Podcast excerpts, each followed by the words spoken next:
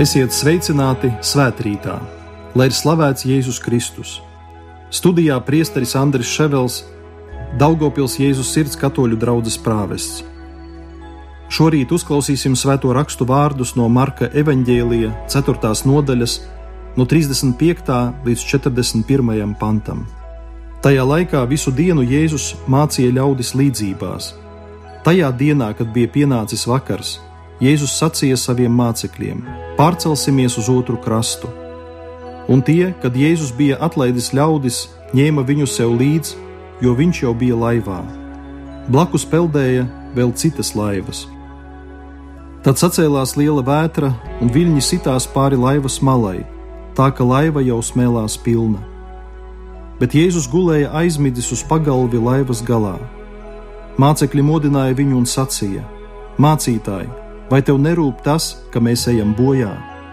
Piecēlies viņš apsauca vēju un sacīja jūrai: Paliec klusu, rimsties!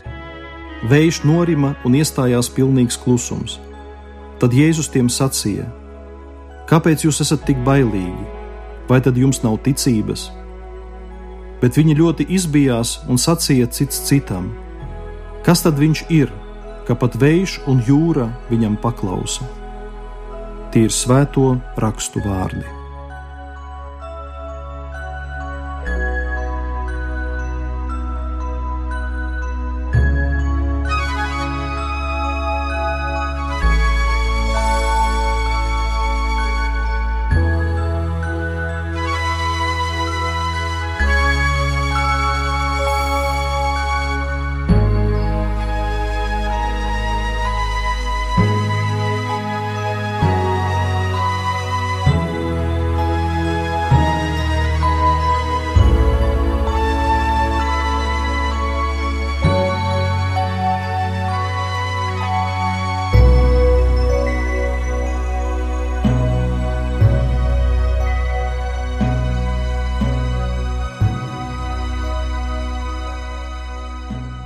Darbie Latvijas radio klausītāji! Katrā gada laikā, bet jo īpaši vasarā, mēs esam aicināti priecāties par dabas skaistumu. Novērtēsim šo dieva dāvanu un padomāsim par atpūtas iespējām, jo bez pilnvērtīgas atpūtas ne mūsu darbs, ne arī lūkšanas nenesīs labus augļus. Vasaras brīvdienu un atvaļinājumu laikā katram no mums jāatrod laiks un vieta, lai pabūtu vienatnē ar sevi un ar Dievu. Klusums palīdz stiprināt attiecības ar Dievu, bet vienlaikus mēs kļūstam tuvāki arī paši sev. Mēs sākam labāk sevi saprast, atrodam iekšējo līdzsvaru un iemantojam sirdsmieru.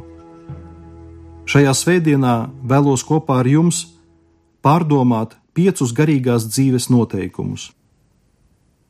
Pirmais garīgās dzīves noteikums ir mīlēt dzīvi un savu aicinājumu. Visdziļāko jēgu dzīvei dot apziņa, ka Dievs mūs mīl, neraugoties uz mūsu vājībām un grēkiem, un aicina mūs atbildēt viņa mīlestībai.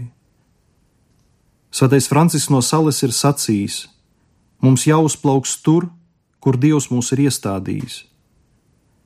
Lai izdzīvotu savu kristīgo aicinājumu, pirmais, kas mums jādara, ir jāiemīl dzīve, ir jābūt pateicīgiem un jāpriecājas par to. Pāvests Francisks vienā no sprediķiem atgādināja: Prieks ir kristiešu atšķirības zīme. Kristietis bez prieka ir vai nu nekristietis, vai arī slims. Nav cita izskaidrojuma. Ar viņa veselību kaut kas nav kārtībā. Kristīgā veselība tas ir prieks. Kristietis bez prieka nav kristietis. Prieks ir kristieša zīmogs arī sāpēs, ciešanās un pat vajāšanās.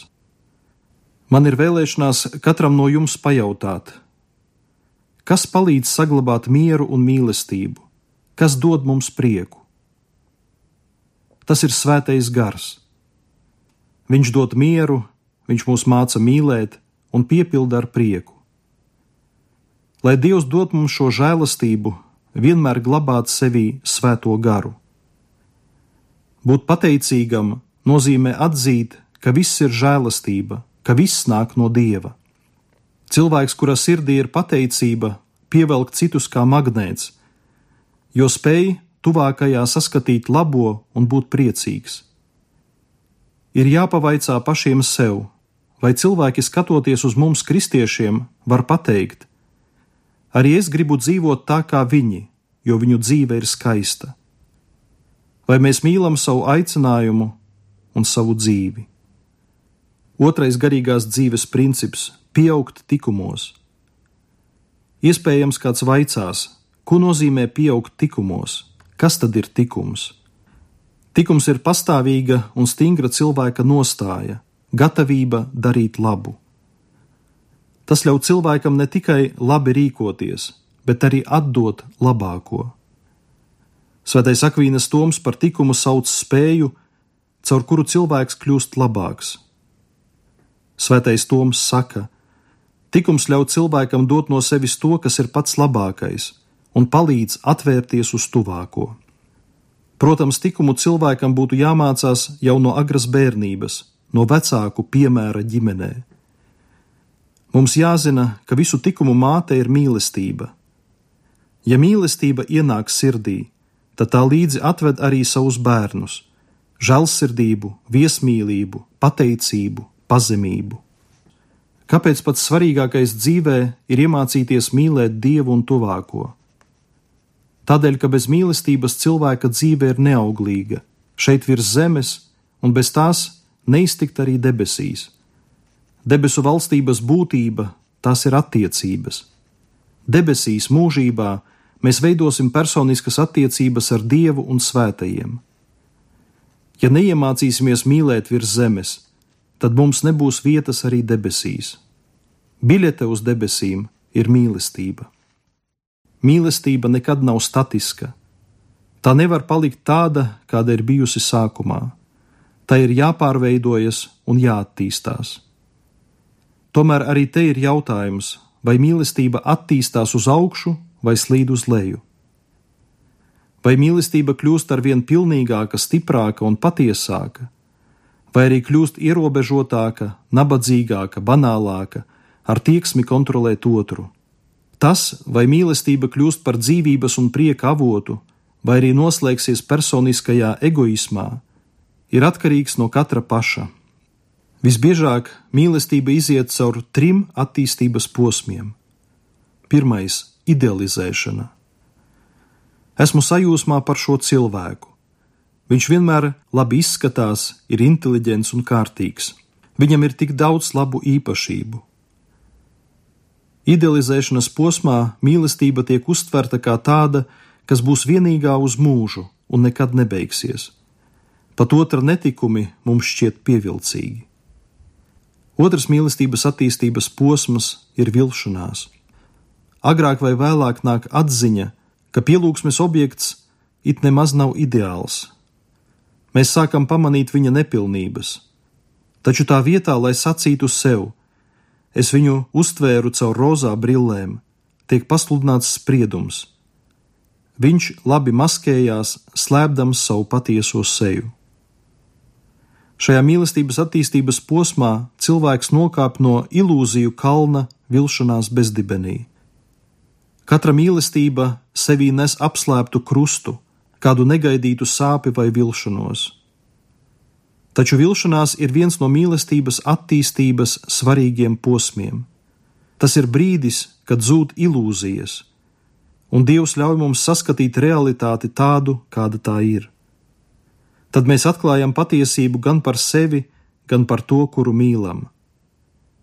Brīžiem tas ir ļoti sāpīgi un smagi, jo pārsniedz mūsu cilvēciskos spēkus. Daudziem tas ir mīlestības beigu punkts, savukārt citiem jauna iespēja mīlestības attīstībai. Tā īsti mīlestība iesākas tad, kad mēs pārstājam mīlēt paša izdomāto tēlu un sākam mīlēt otru tādu, kāds viņš ir. Trešais mīlestības attīstības posms ir pieņemt otru tādu, kāds viņš ir. Ja mēs uzlūkojam otru patiesībā, mēs saprotam, ka ideālu supercilvēku nav. Visbiežāk mēs sastopamies ar grūtībām attiecībās tāpēc, ka otrs cilvēks ir pilnīgi atšķirīgs. Tad rodas jautājums, vai man tādam, kāds esmu, un tam otram, kāds viņš ir, būtu mūža garumā kopā ejams šis mīlestības ceļš? Atbilde ir sekojoša. Tas ir atkarīgs no tā, ko es izvēlēšos šodien. Trešais kristīgās dzīves noteikums ir sastapt Dievu ikdienas notikumos. Dievs mūs uzrunā dažādos veidos - caur svētajiem rakstiem, lūgšanu, baznīcu, sirdsapziņu, citiem cilvēkiem un dažādiem dzīves notikumiem. Tieši caur dzīves notikumiem Dievs atklāja savu nodomu attiecībā uz mums. Balstīšanās uz faktiem, cenšoties izprast Dieva gribu, baznīcas tēvi sauc par karalisko ceļu. Grūtos dzīves brīžos mums jālūdz no Dieva žēlastība un jāuzdod svarīgs jautājums. Kungs, ko tu vēlies ar šo notikumu man sacīt? Ko tu vēlies man pateikt? Apustuļu darbu grāmatā mēs lasām, ka Pāvils otrajā misiju ceļojumā atnāca uz kādu pilsētu, lai tur sludinātu labo vēsti par Kristu, bet svētais gars viņam neļāva to darīt. Tad viņš devās uz citu pilsētu, bet arī tur gars liedza viņam sludināt. Tad Pāvils devās uz Atēnām un tur sludināja dieva vārdu. Pateicoties Pāvila paklausībai, Dievs varēja viņu lietot, un viņš nonāca Eiropā, kur pirmo reizi tika sludināts par Kristus augšām celšanos. Dažreiz Dievs liek šķēršļus, lai mūs vestu tālāk. Kāds no svētajiem ir teicis: Ja Dievs no mums kaut ko atņem, tad tikai tāpēc, lai dotu kaut ko labāku. Tāpēc pats svarīgākais dzīvē ir pazīt un pildīt dieva gribu, kas ir viņa mīlestības plāns attiecībā uz manu personu un citu cilvēku dzīvi. Ceturtais garīgās dzīves noteikums ir apvienot dzīvi ar lūgšanu. Kristīgajā tradīcijā ir šāds teiciens: Kāda ir dzīve, tāda ir lūgšana, kāda ir lūgšana, tāda ir dzīve. Ja mums trūkst laika lūgšanai, tad tas mums parāda, cik ļoti mēs paļaujamies uz sevi, nevis uz Dievu. Daudzi mūsdienu kristieši saka, man nav laika lūgties. Kad viņiem tiek jautāts, bet kā ir brīvdienās vai atvaļinājuma laikā, tad viņi saka, nu tad vispār mums nav laika lūgties. Patiesība ir tāda, kad nonākam līdz mūsu cilvēcisko spēku izsīkumam, tad atveramies lūgšanā uz Dievu piedzīvojot viņa žēlsirdību. Lūkšana nav atskaita dievam par nodzīvoto dienu. Lūkšana nav arī mācību stunda, kuras laikā mēs skaidrojam dievam, kas viņam jādara mūsu dzīvē, bet lūkšana ir saruna ar dievu, kuras laikā mēs viņam, kā savam vislabākajam draugam, atklājam visas savas bēdas un vājības, un pazemīgi klausāmies viņā, lai saprastu un izpildītu tā gribu. Svētais Benedikts klostera brāļiem mācīja šādu dzīves noteikumu - lūkšana un darbs. Reiz pie viņa atnāca klostera brālis un jautāja: Tēvs, kas ir svarīgāks - lūkšana vai darbs? Benedikts atbildēja: Šajā dzīves noteikumā svarīgākais vārds ir un - lūkšana un darbs. Vārdu sakot, svarīgi ir saglabāt līdzsvaru starp garīgo un laicīgo pasauli. Daudziem lūkšanā ir grūti koncentrēties. Prātā nāk dažādas domas gan par ikdienišķām norisēm, gan tuvinieku problēmām. Daudziem rodas jautājums, kas šādā gadījumā jādara? Garīgie tēvi iesaka, ja lūkšanā atceramies kādu cilvēku, mums uzticēto nodomu vai kādas problēmas, tad iekļaujam to lūkšanā. Mēs nevaram nodalīt lūkšanu no dzīves un dzīvi no lūkšanas. Abas dimensijas veido vienu veselumu. Piektais, pēdējais garīgās dzīves noteikums ir svētdarīt ikdienu. Svētais Francisks no Sales ir sacījis: Pulkstenis norāda attiecīgo stundu, bet no mums ir atkarīgs, kā mēs to izdzīvosim. Nesen lasīju rakstu par Titaniku, lielāko pasažieru tvaikoni pasaulē, kas 20. gadsimta sākumā bija izcilākais tā laika tehnoloģijas un cilvēciskā intelekta sasniegums. Daudzi uzskatīja, ka Titaniks ir praktiski nenogremdējams. Mūsdienu pētnieki mēģina atbildēt uz jautājumu, Kāpēc Titaniks gāja bojā? Viena no hipotēzēm ir tā, ka kuģis bija pārāk liels attiecībā pret stūres mehānismu. Tāpēc kuģi bija grūti vadīt un ar to manevrēt. Arī mūsu dzīvei ir vajadzīgs stūres mehānisms, ar kura palīdzību varētu veiksmīgi vadīt savu dzīvi. Katram cilvēkam jāzina, pie kādas stūres ķerties, kam dzīvē uzticēties. Kristietim katras dienas vadības pults ir rīta lūkšana, nedēļas stūre ir svētdienas dievkalpojums, bet mēneša grēksūdze. Ja šīs lietas būs mūsu dzīves balsti, tad viss mums izdosies. Taču pats galvenais ir saglabāt pareizas proporcijas, jo citādi nevarēsim manevrēt. Dargais klausītāj, kad tu celies no rīta, sāc slavēt Dievu par to, ka esi viņa bērns, un lūdz Dieva svētību, lai šodien spētu izpildīt viņa gribu.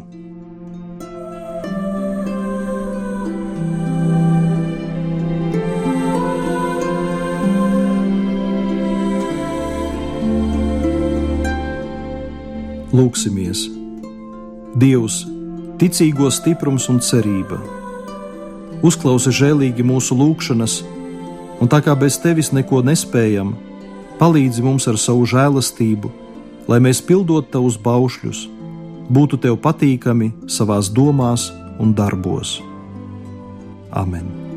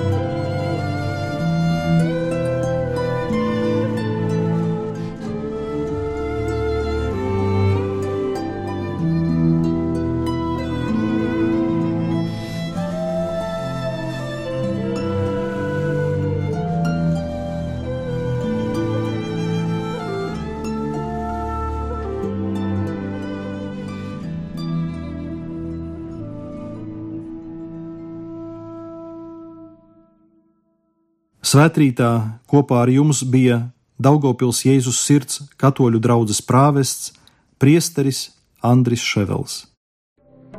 Saules gaisma manā sirdī klusi stāro vēja svaigums paceļ mani mīlestību mīlestība. Lidoju pāri mākoņiem, dziedādam sareņģēļiem. Slava Dievam, Tēvam un Dēlam, Svētam garam, lai mūžīgi.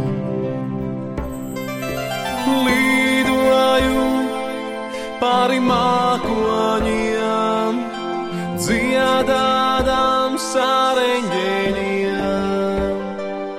Slava Dievam, Tēvam un Dēlam, Svētam garam, lai mūžīgi. Saule dziesmā, manā sirdī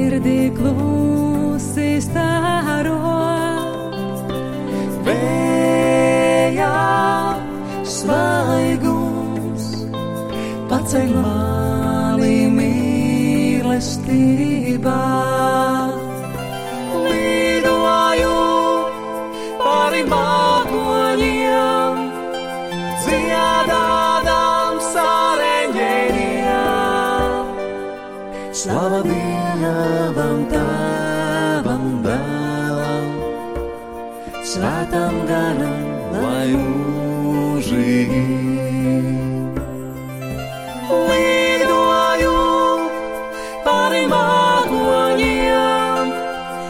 yeah.